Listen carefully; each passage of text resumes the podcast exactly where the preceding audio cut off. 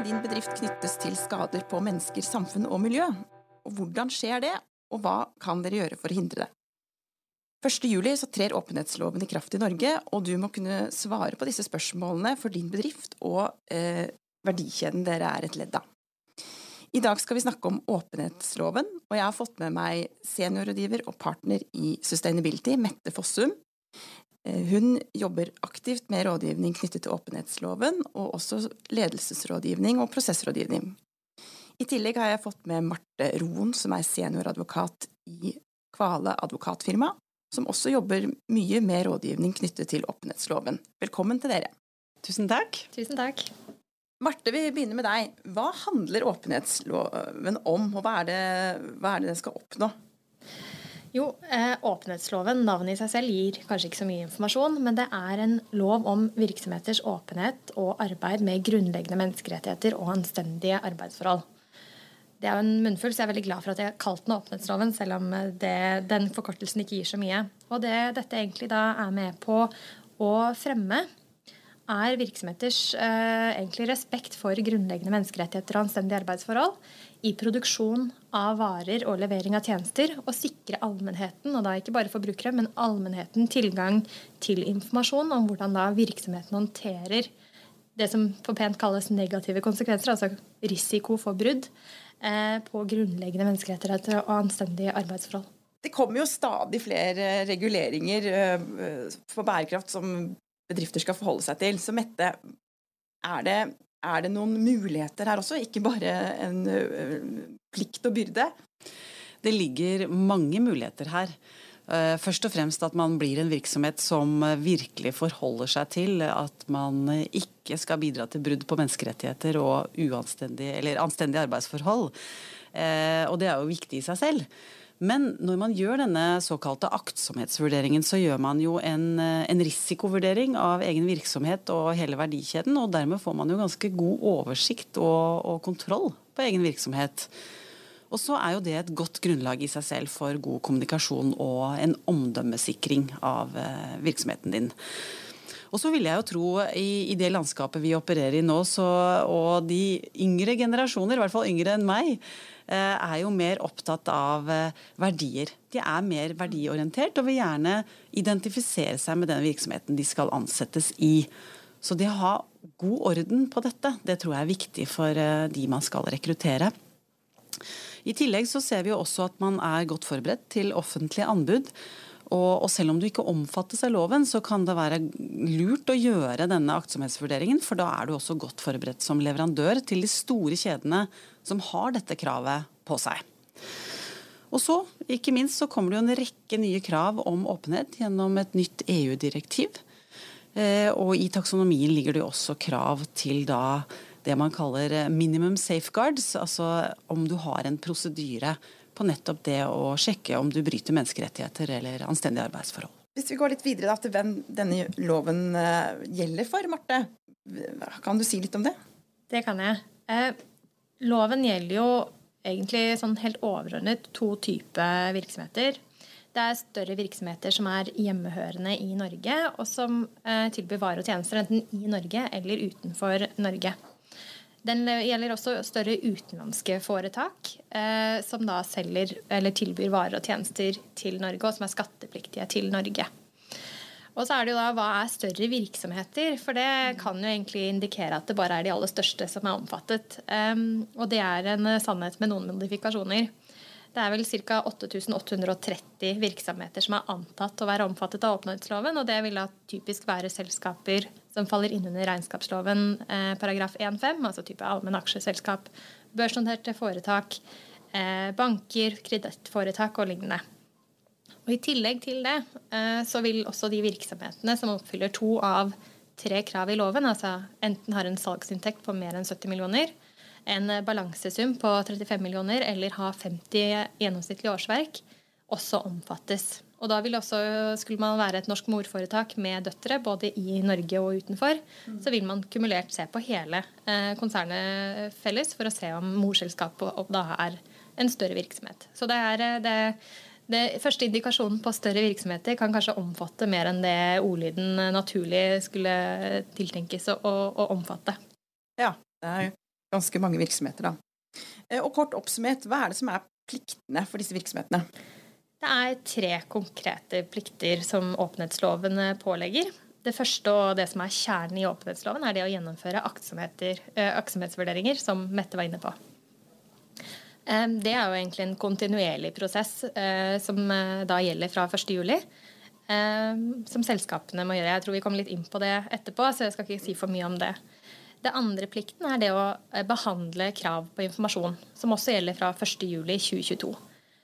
Ved skriftlige forespørsler fra da enhver, så det er ingen begrensning på hvem som skal stille spørsmålet, så plikter man å svare skriftlig, dekkende og forståelig innen rimelig tid, eller innen tre uker.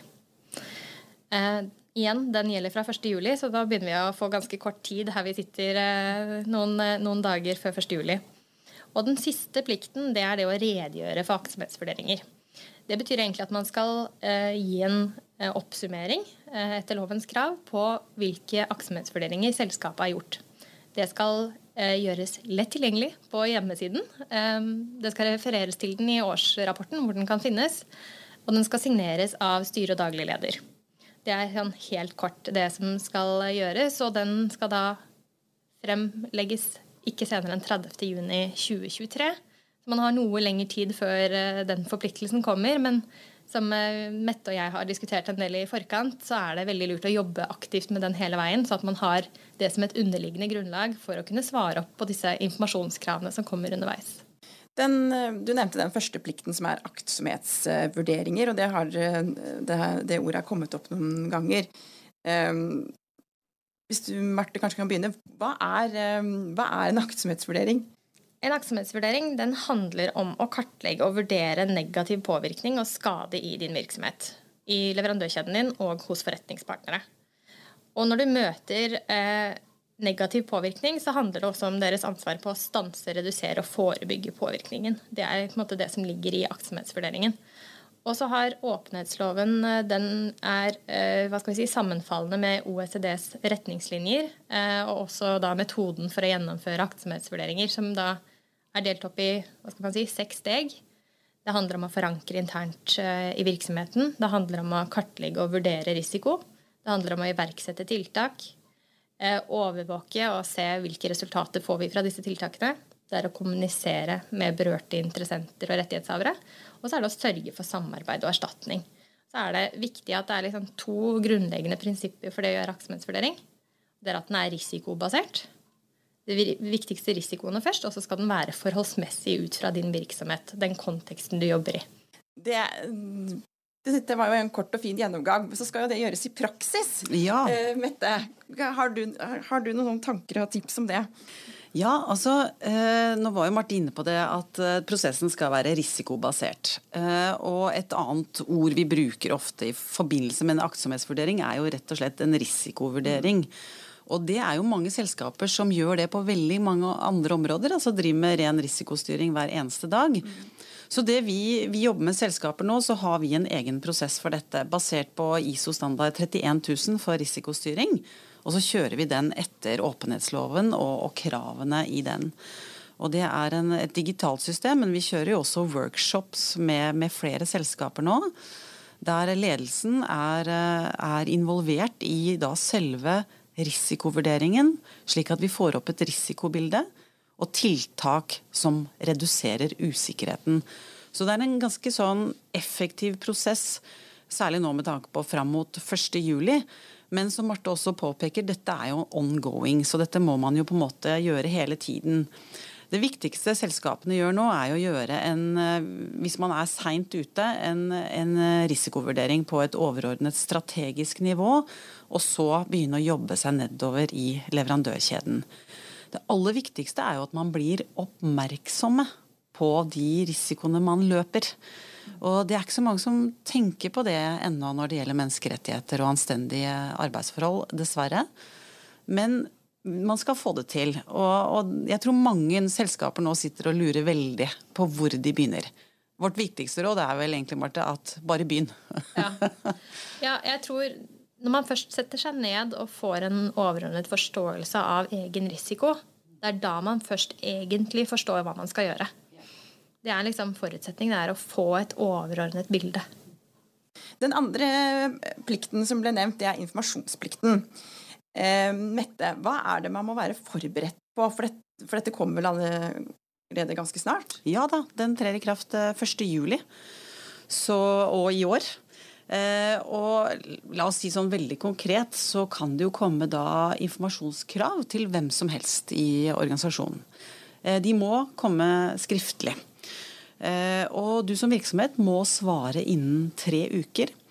Og det vi vet og hører om og snakker med andre om nå, er at det er en rekke organisasjoner som er opptatt av tematikken, som er forberedt på å sende av gårde spørsmål til større og mindre virksomheter som kanskje har stor risiko for brudd på, på nevnte tematikk. Da.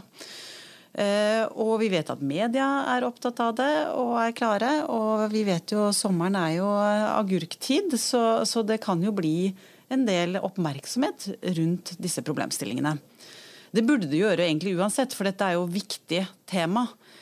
Men det du som virksomhet må være forberedt på, er å kunne svare, og, og tenke litt på da hvordan du, du, har koordinert dette i egen virksomhet. Har du rutiner for eh, når informasjonskravene kommer, hvordan man håndterer det, og hvordan man svarer det ut innen tre uker?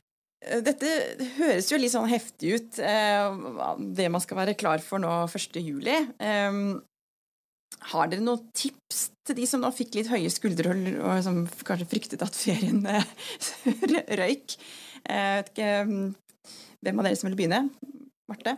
Jeg, jeg, tenker det første er, som vi var litt inne på, det er bare å begynne. Eh, jeg tror det første og litt sånn elementære aspektet ved å skulle etterleve åpenhetsloven, det er dette med forankring i selskapet. Det er, det er på en måte fundamentet, hva skal vi si, grunnmuren i vurderingene starter. Det er Eh, tonen fra toppen og viljen til organisasjonen å gjennomføre de eh, aktsomhetsvurderingene man skal. Så det er det å begynne med å informere ledergruppe, at styret får en forståelse av forpliktelsene, det tror jeg er et første godt steg for å planlegge veien videre. Jeg syns også, som Mette er inne på, dette med å forberede en, si, en kommunikasjonsplan. Oppdatere eh, organisasjonen som helhet da, på at det kan komme informasjonskrav, og dedikere personell som skal ta den, eh, den, rollen. Det tror jeg også er veldig viktig. Og så er det dette som igjen Mette er inne på. Danne seg et første overordnet bilde av organisasjonen og hva, legge en plan. Hva er det vi skal gjøre nå fremover? For man kommer ikke i mål eh, nå med alt sammen til 1.7. Det tror jeg det ikke er så mange selskaper som vil heller. Så dette er en kontinuerlig prosess, og det viktigste er egentlig å bare forstå at dette det er ikke noe grace-periode her. Det, det, er 1. juli, eh, så man må rett og slett bare starte på prosessen. Så tror jeg prioriteringer også. Prioritering og risiko er på en måte veilederne dine når du skal jobbe med dette. Ja, også selv om man da tenker at oi, der røyk eh, ferien, så er det jo mye man kan, eh, man kan forberede seg på, som Marte sier. Eh, men også huske på formålet med denne loven. Vi skal bidra til anstendige arbeidsforhold og ingen brudd på menneskerettighetene. Og det, det er jo greit å holde som høy fane. Eh, og hvis vi kan gjøre det ved å rett og slett bare forberede oss godt, jobbe oss gjennom verdikjeden, gjøre en risikovurdering, gjøre gode tiltak og kunne fortelle om det og være åpne om det, så, så er vi jo alle på riktig vei, tenker jeg. Tusen takk til dere, Marte og Mette, for at dere kom i studio og delte tips til dette viktige arbeidet fremover. Vi takker dere som har lyttet på episoden. Mitt navn er Helena Mellison. Produsent var Jonas Bjørnes. Du finner podkasten på de fleste lytterplattformer og på sustainability.no. Følg oss gjerne der.